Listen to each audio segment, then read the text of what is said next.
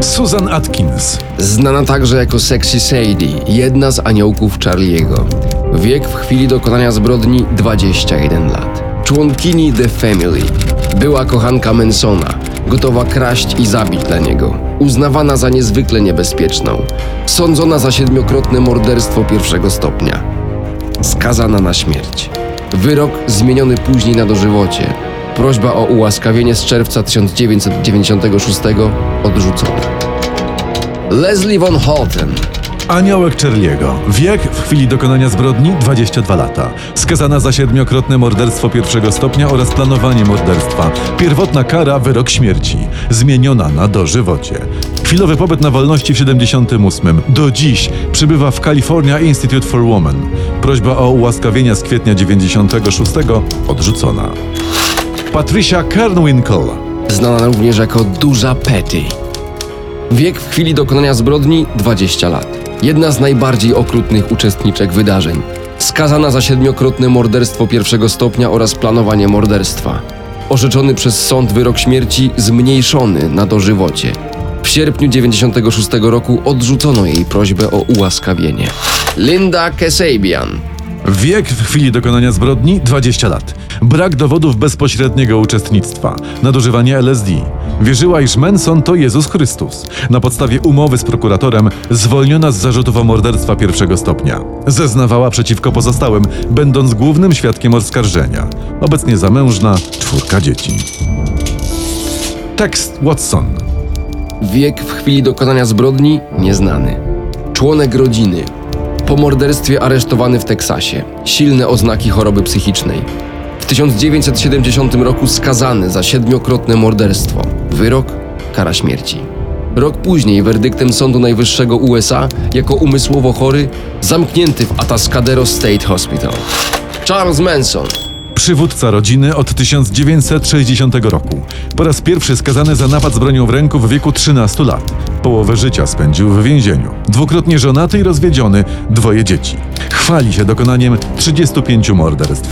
Uznany winnym przywództwa i dokonania siedmiu morderstw. Skazany na śmierć. W roku 72 Sąd Najwyższy stanu Kalifornia, znosząc karę śmierci, zmienił mu wyrok na dożywocie. Obecnie zamknięty w Pelican Bay State Prison. Prośba o ułaskawienie odrzucona. Co wspólnego mają ze sobą wszyscy ci ludzie? Otóż 9 sierpnia 69 roku w domu przy Cielo Drive 10050 z zimną krwią i w niezwykle brutalny sposób zamordowali oni pięć osób. Osób, których jedyną winą było to, iż byli bogaci i sławni. A przynajmniej część z nich była naprawdę bogata i naprawdę bardzo sławna. Wśród tych osób, osób zamordowanych przez grupę Charlesa Mansona była m.in. Sharon Tate, jedna z ówczesnych największych gwiazd Hollywood i żona reżysera Romana Polańskiego. Był znany playboy Wojtek Frykowski oraz jego przyjaciółka Abigail Folger, spadkobierczyni fortuny ogromnego kawowego imperium. Nagła i przerażająca śmierć tylu znanych ludzi musiała wstrząsnąć Ameryką. I wstrząsnęła, zwłaszcza, że wieczorem następnego dnia w podobny sposób grupa Mansona zamordowała kolejne dwie osoby. Znanych potentatów w branży supermarketów. Państwa Labianka. Postawiona na nogi policja nie dała się zwieść sprytnemu wybiegowi Mansona, które miało zrzucić winę na morderstwa na członków murzyńskich gangów z Los Angeles. Uczynił to malując krwią zamordowanych na ścianach i drzwiach domów napisy wskazujące właśnie na gangi.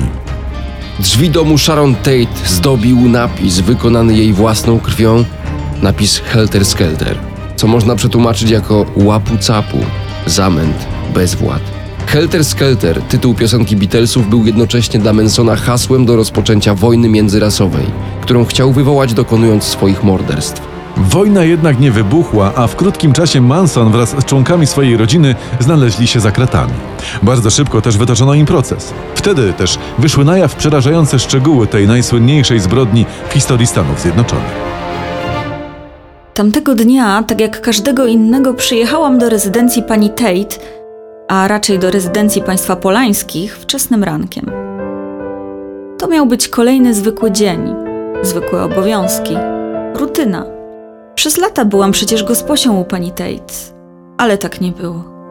Już przy drzwiach wiedziałam, że stało się coś strasznego. Były całe umazane krwią. Miałam nadzieję, że to tylko wybryk jakichś chuliganów, ale nie. Drzwi były niedomknięte, a w środku była najbardziej przerażająca rzecz, jaką widziałam w życiu. Wszystko było zachlapane krwią, ściany były nią dosłownie pomazane, a pani Tate i ci inni ludzie. Nie mogłam uwierzyć, jaka bestia mogła to uczynić. Pani Chapman, która zajmowała się domem przy Cielo Drive 10050, w którym mieszkali Polańscy, wybiegła później przed posiadłość i w stanie szoku idąc przez ulicę krzyczała morderstwo, śmierć, ciała, krew. Słysząc to, mieszkający niedaleko 15-letni chłopiec Jim Essin zawiadomił Departament Policji w Los Angeles. Jak zeznali później funkcjonariusze LAPD, którzy przybyli do domu wynajmowanego przez Tate i Polańskiego, to co znaleźli wyglądało jak wynik najbardziej dziwacznej i przerażającej obrzędowej masakry. Na podłodze leżały ciała pięciu osób. Sharon Tate, Jaya Sebringa, Abigail Folger, Wojtka Frykowskiego i Stevena Parenta. Na wszystkich widniały ślady po nożach, dziury po kulach kaliber 22. Jakby tego było mało, na pierwszy rzut oka widać było, iż cała piątka była wcześniej brutalnie bita i torturowana. Ciała były dodatkowo powiązane sznurami i to w zdecydowanie wymyślny sposób. To jednak był dopiero początek. Następnego dnia wieczorem znaleziono bowiem ciała Rosemary i Lino Labianka. Potentaci w branży supermarketów zostali odnalezieni w swojej własnej rezydencji.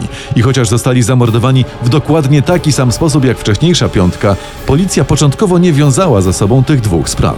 Szybko jednak, ze względu na podobieństwa, musiało się stać jasne, że za morderstwami musieli stać ci sami ludzie. W dodatku w obu przypadkach natrafiono na hasło Helter Skelter. Nie złożono tego jednak, jak chciał Manson, na karby czarnych gangów. Wkrótce odkryto, iż podobny napis, podobne hasło widnieje również na drzwiach siedziby rodziny, czyli grupy Mansona, na Rancho Span na przedmieściach Los Angeles. Spory udział miał w tym przedstawiciel biura prokuratora okręgowego Vincent Bugliosi. Co ciekawe, to on później pełnił rolę głównego oskarżyciela w procesie grupy Charlesa Mansona. Wysoki sądzie, panie i panowie przysięgli. Pytanie, jakie wielu z was zada sobie podczas trwania tego procesu, a na które postaram się odpowiedzieć, brzmieć będzie. Jaki rodzaj diabelskiego umysłu był w stanie wymyślić i wykonać pomysł siedmiu tak makabrycznych morderstw?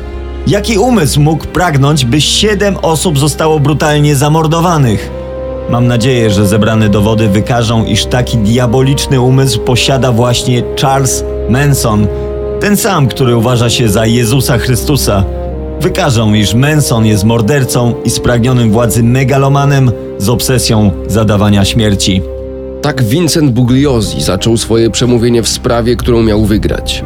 Miał doprowadzić do skazania na śmierć wszystkich winnych morderstwa członków rodziny. Nie mógł wiedzieć, że władze stanu zakażą kar śmierci i ludziom, których oskarżał, wyroki zostaną zmienione na dożywocie. W każdym razie, gdy oskarżyciel przemawiał, Manson wraz ze swymi aniołkami siedział naprzeciwko na ławie oskarżonych. Z jego ujęciem policja nie miała większych problemów. Był jej znany jako notoryczny przestępca, który przesiedział za kratkami 17 ze swoich 35 lat życia. Zdradził ich jeden napis Helter Skelter. W każdym razie proces dopiero się rozpoczynał. Panie Manson, czy chce pan teraz coś powiedzieć? Tak, chcę. Padło tu wiele zarzutów wobec mnie i powiedziano o mnie i o współoskarżonych wiele złych rzeczy, które można byłoby wyjaśnić, gdybyście wszyscy zrozumieli dokładnie, czym chciała być nasza rodzina, czym była pod względem filozoficznym, gdybyście pojęli, że nie było żadnej konspiracji, planów morderstw, Gdy Charles Manson wygłaszał swoją słynną mowę, wyrok na niego i pozostałych członków rodziny, którzy brali udział w wydarzeniach z 9 i 10 sierpnia 69 roku, już zapadł. Skazani, nie znając przyszłej decyzji Sądu Najwyższego stanu Kalifornia, byli przekonani, że wkrótce zginą. W dodatku na samym Mansonie ciążyło sporo innych przewinień. Zgodnie z jego policyjną kartoteką winny był m.in. włamania, pobicia, fałszerstwa, gwałtu homoseksualnego, kradzieży pojazdu, próby ucieczki po zatrzymaniu, kradzieży przesyłki pocztowej oraz naruszeń zwolnienia warunkowego. Moje życie spędziłem w więzieniu. W więzieniu. I bez rodziców. Zawsze poszukiwałem silnej postaci ojca, silnego wzoru i zawsze uważałem ludzi na wolności za dobrych, a ludzi w więzieniu za złych. Nigdy nie chodziłem do szkoły, tak więc nigdy nie musiałem czytać, ani pisać, ani uczyć się, tak więc zawsze siedziałem w więzieniu i zawsze byłem głupi. Pozostałem dzieckiem, patrząc jak inni dorastają. Patrzyłem na te same rzeczy co inni, lecz ja ich nie rozumiałem. W swojej niezwykle długiej przemowie Manson bezskutecznie starał się przekonać sędziów i przysięgłych, że nie jest winnym zarzucanych mu czynów, że winę ponosi społeczeństwo oraz sposób, w jaki zbudowany jest świat. Owa przemowa była na tyle długa, że sędzia kilkakrotnie prosił Mansona o streszczanie się. Nikogo nie udało mu się jednak przekonać co do swojej niewinności. Dowodów było bowiem zbyt wiele. Manson nie został również uznany za niepoczytalnego, choć badający go psychiatrzy stwierdzili emocjonalną niestabilność oraz niebezpieczną, agresywną i biseksualną osobowość. Owa osobowość była ich zdaniem wynikiem reakcji na wydarzenia, które miały miejsce w jego dzieciństwie. Manson urodził się w Cincinnati w stanie Ohio 11 listopada 1934 roku. Nie wiadomo było, kim był jego ojciec. Niektórzy twierdzą, że był on czarny, co byłoby niezwykle interesujące, jako że Manson był zagorzałym rasistą. W każdym razie do piątego roku życia wychowywała go matka. Gdy została aresztowana i skazana za napad z bronią w ręku, chłopcem zajęli się krewni. Później za różne wykroczenia Manson rozpoczął wędrówkę po poprawczakach, a następnie zakładach karnych na terenie całych Stanów Zjednoczonych. Po raz ostatni na wolność wyszedł w roku 67, na dwa lata przed dramatycznymi wydarzeniami przy Cielo Drive. Do dziś nie jest jasne, kiedy Manson założył swoją rodzinę na ranczu Spawn. Prawdopodobnie jednak miało to miejsce na początku lat 60., w przerwie pomiędzy odsiadkami. Był głową rodziny. Uwielbiany przez swoje dzieci, mógł w pełni zaspokajać swój seksualny apetyt. Wasze dzieci przychodzą do was z nożami. Wyganiacie je, ja zaś im pomagam. Uczę je. Pomagam im bronić się. Większość z ludzi na ranczu, których nazywacie rodziną, to byli ludzie, których nie chcieliście. Ludzie, którzy zostali sami, których rodzice wygnali z domów. Zrobiłem więc najlepsze, co mogłem. Zabrałem ich do siebie i że miłość to nic złego. Powiedziałem im, że to, co robią swoim braciom i siostrom, jest dobre i oni robili to. I oni rzeczywiście to robili. Używając swojej pozycji, celowo dobranych fragmentów Biblii, muzyki i co najważniejsze narkotyków, Charles Manson mógł na swoich dzieciach wymóc praktycznie wszystko. Wszystkie kobiety musiały mu się oddawać, podobnie jak jego przyjaciołom, każdy musiał uczestniczyć w orgiach. Wybrani mieli później zabić. Zabili i zostali skazani. Nic jednak nie zmniejszyło ich miłości do ojca. Z jednym wyjątkiem. Uznali, że to, co kazał im zrobić, było dobre. Ze spokojem i samozadowoleniem opowiadali o tym, co uczynili siedmiorgu niewinnych ludzi. Pani Kesabian, czy jest pani świadoma, że odpowiada w sprawie siedmiokrotnego morderstwa i usiłowania morderstwa? Tak. Proszę powiedzieć, czy fakt, iż była pani w ciąży, był powodem, dla którego pozostała pani na zewnątrz rezydencji polańskich i stojąc na czatach, nie brała udziału w zajściach? Niezależnie od tego, czy w ciąży, czy nie, nigdy bym nikogo nie zabiła. Zeznała pani, że była w szoku. Kiedy ten stan minął? Nie wiem, kiedy minął. Nie wiem nawet, czy w ogóle minął. I niczego pani nie pamięta? Niczego. Proszę spojrzeć. To zdjęcie Wojtka Frykowskiego. Oczywiście wykonane już po śmierci. Poznaje pani? Tak. To człowiek, którego widziałam przy drzwiach domu. Pani Kesabian, dlaczego pani teraz płacze? Ponieważ nie wierzę w to. To jest, W co pani nie wierzy, pani Kesabian? że mogli to zrobić. Rozumiem, nie my mogliśmy to zrobić, lecz oni mogli to zrobić. Ja tego nie zrobiłam. Nie ma we mnie aż takiego ze zwierzęcenia.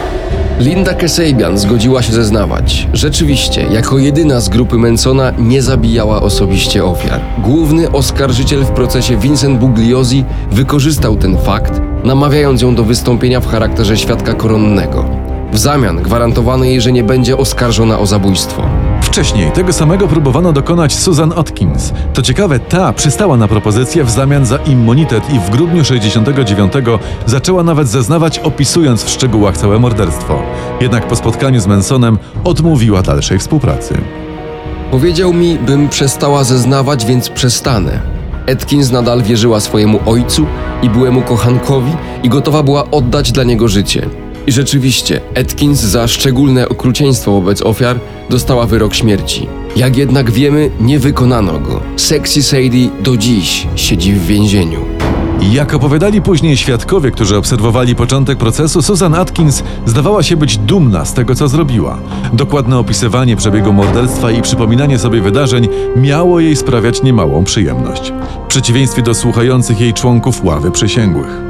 Ci otwarcie płakali i opuszczali salę, nie mogąc znieść tego, co mówiła Atkins. Tą z kolei wywoływanie takiej reakcji u ludzi wydawało się bawić. Najgorszego jednak 21-letnia członkini rodziny nie powiedziała. Zwierzyła się natomiast swojej towarzyszce z celi, w której zamknięto ją na czas procesów. Nie mieszkałam z Sexy Side zbyt długo i bardzo dobrze się stało. Nie zniosłabym tego dłużej. Ona była chora, po prostu chora. Chwaliła się tym, co zrobiła. Opowiadała, jak Sharon Tate błagała ją na kolanach o życie swojego nienarodzonego dziecka, jak prosiła o swoje. Gdy spytałam, jak mogła to zrobić, odparła: Nie mam litości dla dziwek. To jest chore. Mówiła o odczuciach bliskich szczytowania, gdy dźgała Tate nożem i gdy razem pili jej krew. Dobrze, że nie mieszkałam z nią zbyt długo. Na ironię zakrawa jednak fakt, iż ani opowieści towarzyszki celi Atkins, ani zeznań samej oskarżonej obrona nie mogła wykorzystać. Zgodnie z prawem bowiem zostały one złożone, gdy była koronnym świadkiem i teraz nie można było ich wykorzystać ani przeciwko niej, ani przeciwko innym członkom grupy Mansona. Pozostawały jednak inne aniołki, czy jak kto woli, córki Mansona. Od nich można było sporo wydobyć i wydobyto. Wystarczająco dużo, by orzec najcięższy z możliwych wymiar kary. Zastanawia do dziś fakt ogromnego przywiązania kobiet z grupy Mansona do swego przywódcy. Świadczy to tylko o sile jego wpływu na swoje dzieci. Otóż podczas procesu nie tylko nadal wykonywały one jego polecenia, ale nawet starały się go naśladować. Gdy któregoś dnia Manson pojawił się w sądzie z ogoloną na łyso głową, następnego dnia Susan Atkins, Leslie Von Houten i Patricia Kringwinkle również pojawiły się na procesie z ogolonymi głowami. Gdy Manson ozdobił swoje ciało swastykami, kobiety zrobiły to samo.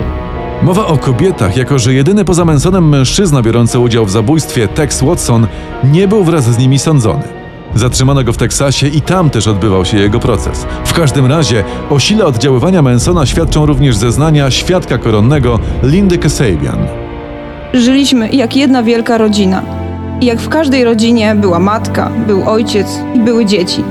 Ale oprócz tego byliśmy jednym, a Charlie był głową. Czy czuje pani, że jest kontrolowana przez wibracje pana Mansona? Możliwe. A czy wysyła on wiele wibracji? Oczywiście. Robi to nawet w tej chwili. Pan Manson po prostu tu siedzi i nie wydaje się, by wibrował. Zeznała pani, że brała często narkotyki, marihuanę, haszysz, LSD, meskalinę, metadrynę, czy tak? Tak. Zeznała pani również, iż często miewała wizje. Wierzyła pani, że Charles Manson jest Jezusem, a pani wiedźmą. Tak. Wysoki sądzie, nie mam więcej pytań. Obrońca Mansona, Irving Kanarek, próbował za wszelką cenę podważyć wiarygodność Lindy Kasabian. Z powodu jej problemów z narkotykami próbował nawet nie dopuścić do przesłuchań.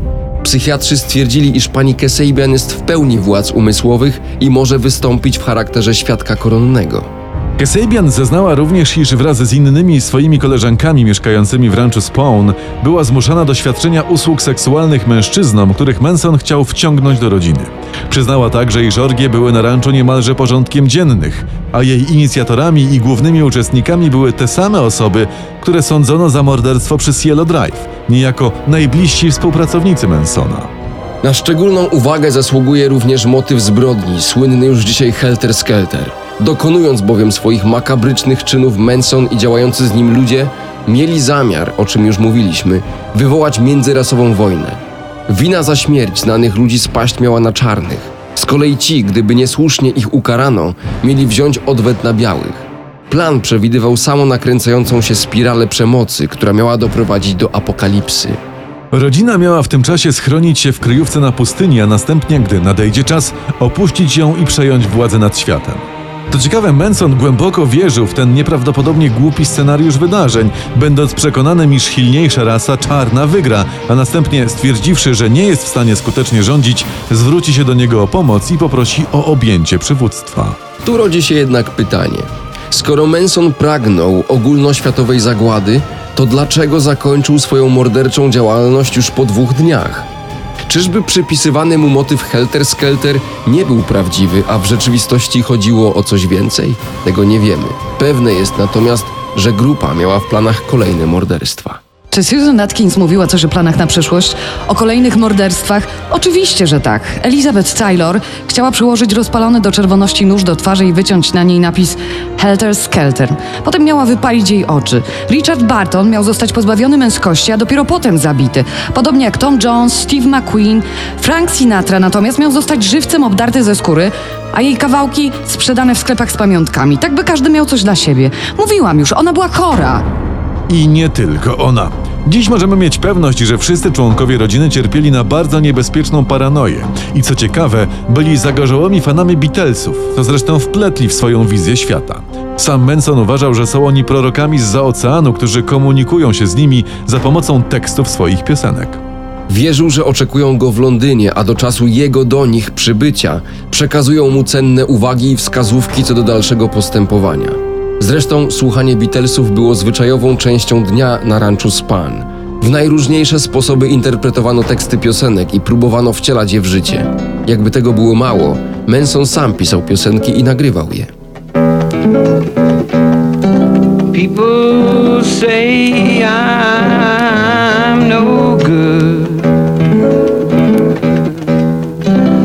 they never, never do. They say why their world is so mixed up, oh, how it got that way.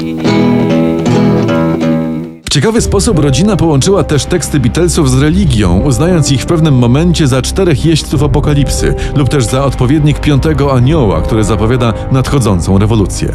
Właśnie dlatego najczęściej słuchano utworów pochodzących z płyty White Album, Revolution 9 i Helter Skelter. Te piosenki uznano za znak, iż nadchodzi apokalipsa.